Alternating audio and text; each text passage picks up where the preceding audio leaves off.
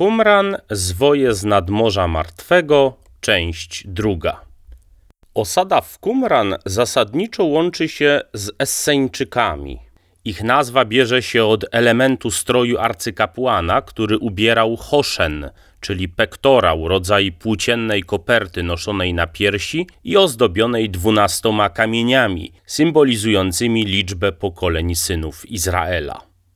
Właśnie kwestia kultów świątyni, interpretacji prawa religijnego, kalendarza i wreszcie coraz ważniejszych oczekiwań końca czasów doprowadziła do wyłonienia się wspólnoty Esseńczyków. Istnieją trzy najważniejsze hipotezy dotyczące czasów i okoliczności powstania ruchu Esseńczyków. Sprowadzając je do wspólnego mianownika, można powiedzieć krótko – Żydowski świat zatrząsł się w posadach w momencie usunięcia z urzędu, a potem zabicia arcykapłana Oniasza III oraz kilka lat później, w chwili zbezczeszczenia świątyni jerozolimskiej na rozkaz króla syryjskiego Antiocha IV Epifanesa za przyzwoleniem nowego arcykapłana uzurpatora. Wszystko to działo się na około 200 lat przed Jezusem sprofanowany przybytek i kolejni arcykapłani, którzy z biblijnego punktu widzenia bezprawnie zajmowali to najważniejsze stanowisko, sprawiły, że pewna grupa Żydów podjęła decyzję o odseparowaniu się i stworzeniu wybranej reszty. To się jeszcze wiązało z coraz mocniejszym pragnieniem końca czasów. Około roku 170 przed naszą erą Wśród Żydów wzmacniało się przekonanie, że kolejny rok jubileuszowy będzie końcem świata. Czym był rok jubileuszowy?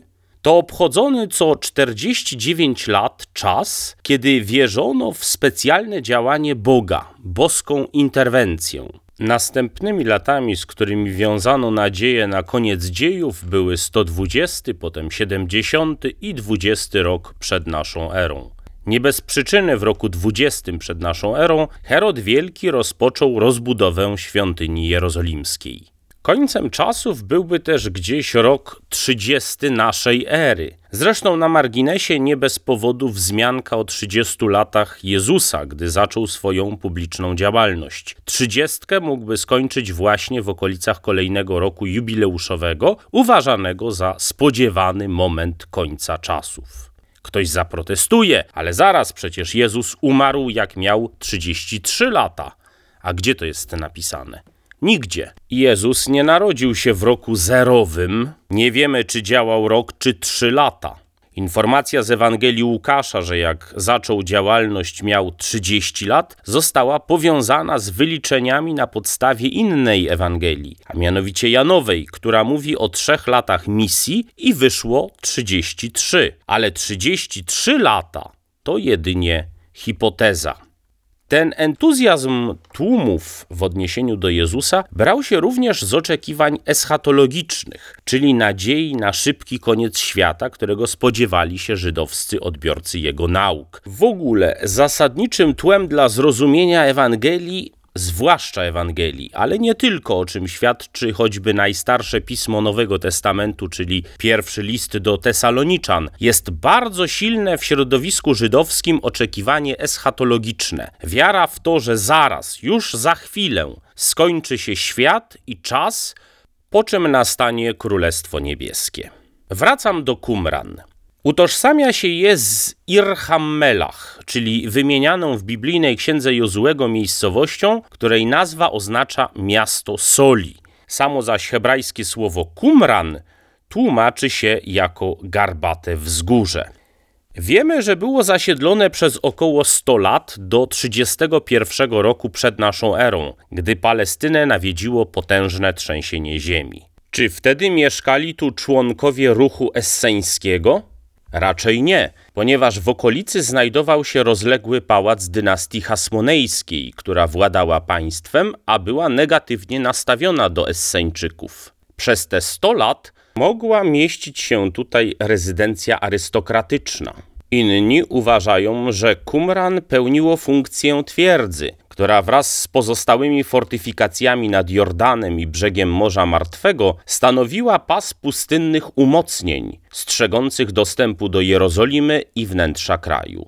Najprawdopodobniej Qumran przybrało formę centrum społeczności esseńskiej dopiero za panowania Heroda Wielkiego, dlatego że władca obdarzał ich zaufaniem i żywił do nich serdeczność. Wynikała ona z dwóch powodów. Po pierwsze byli wrogo nastawieni do dynastii hasmonejskiej, która rządziła przed Herodem i której Herod nienawidził. Po drugie Esseńczyk Menachem w proroctwie wieścił Herodowi długie i szczęśliwe panowanie. Zatem z dużą dozą prawdopodobieństwa można przyjąć, że Esseńczycy od 31 roku przed naszą erą do wybuchu wojny żydowskiej w latach 60. I wieku naszej ery prowadzili tu swoją działalność, pisali zwoje, redagowali własne dokumenty, rekrutowali nowych członków i trudnili się wyrobem rozmaitego rodzaju codziennych przedmiotów.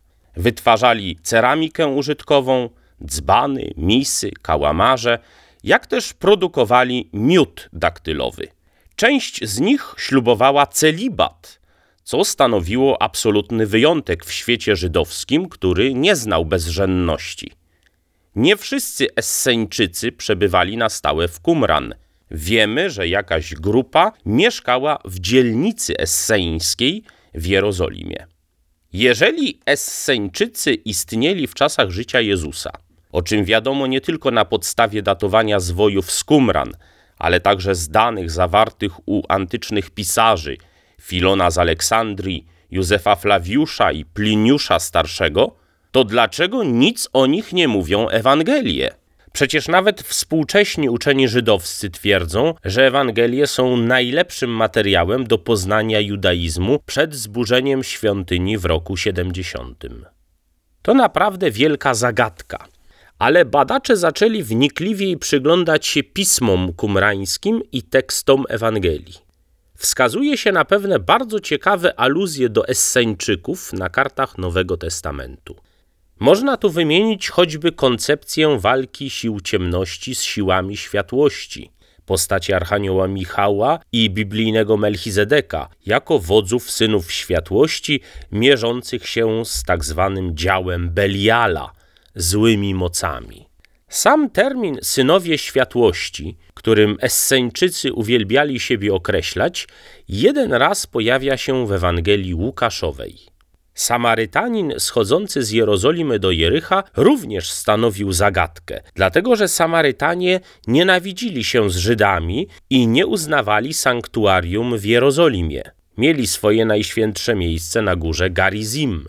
Enigmatyczną wzmiankę o Samarytaninie na pustyni judzkiej pewne małżeństwo skandynawskich uczonych postanowiło rozwiązać wysuwając hipotezę, że ów Samarytanin zmierzał właśnie do Qumran.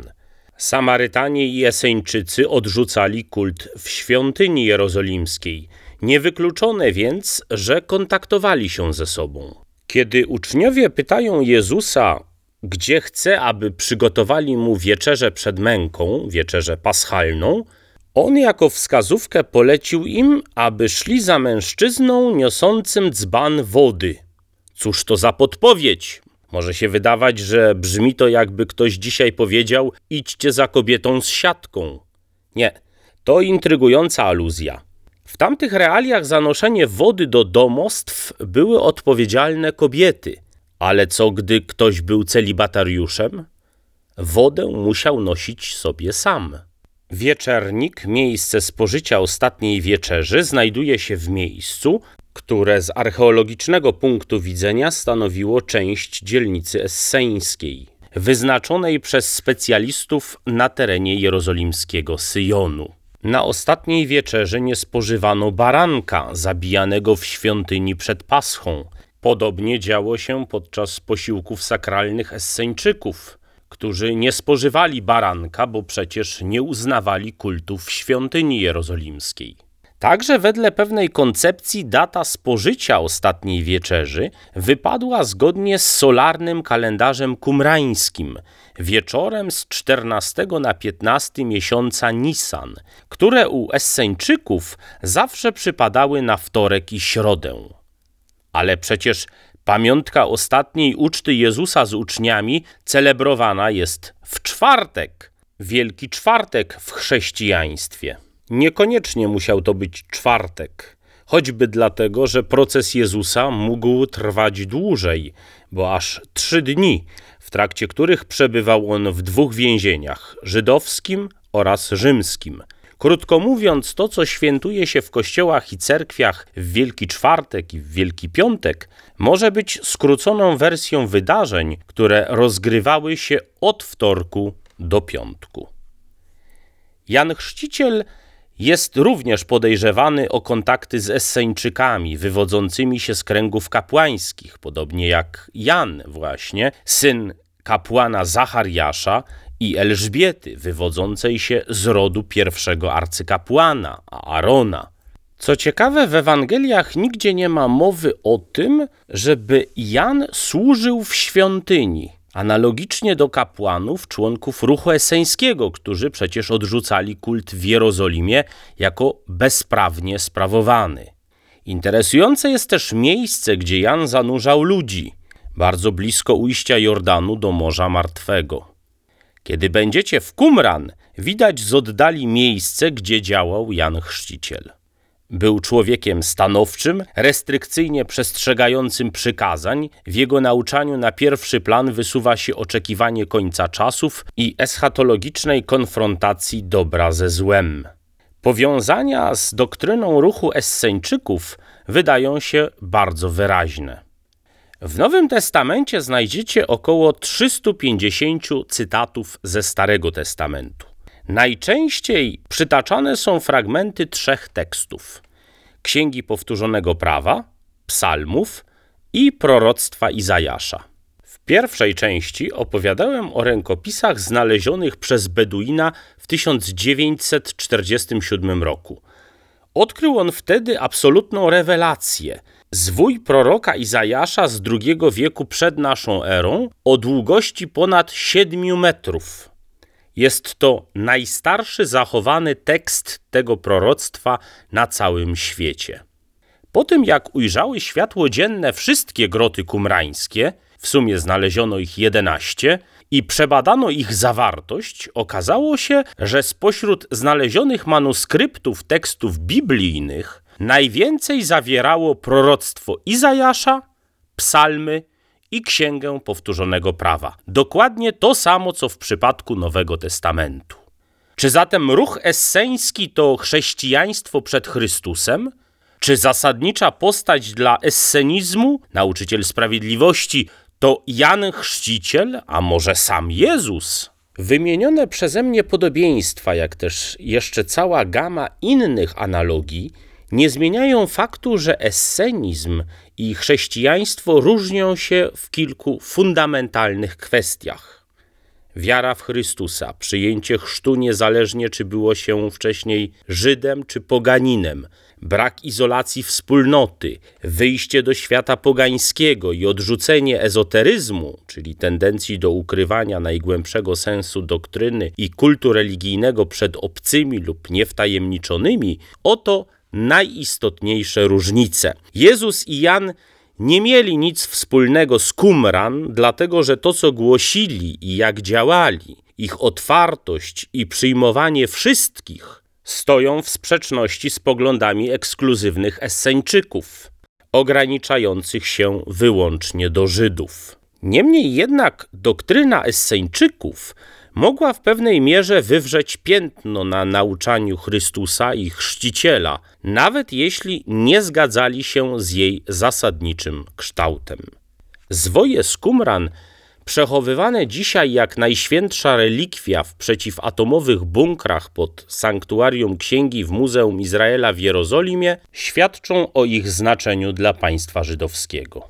Ktoś zapyta, z jakiego powodu jak już mówiłem w pierwszej części, ich odkrycie, które zbiegło się z proklamowaniem niepodległości przez Izrael, uznano za boski znak. W sanktuarium księgi w ramach Muzeum Izraela w Jerozolimie można obejrzeć kopię najstarszego na świecie rękopisu Izajasza, długiego na ponad 7 metrów. Najdłuższy ze wszystkich manuskryptów kumrańskich mierzy ponad 8 metrów. Nosi nazwę Zwój Świątyni i stanowi zupełnie wcześniej nieznany dokument doktrynalny Esseńczyków. Pisma z Qumran, odnalezione nad brzegiem Morza Martwego ponad 70 lat temu, nie przestają fascynować uczonych i laików. Ich odkrycie okrzyknięto największym w dziejach archeologii Palestyny. Kulisy odnalezienia bogatej biblioteki, tajemniczy język rękopisów, zagadkowy zwój miedziany z Qumran, swoista antyczna mapa skarbów, jak też inne odkrycia z pustyni judzkiej, chociażby w Murabbat, na Halhever czy na Masadzie, zachęcają do drążenia tematu i dalszych intelektualnych poszukiwań. Piaski, groty i krajobraz okolic Qumran interesująco poszerzają i klarują złożony obraz Palestyny sprzed tysięcy lat.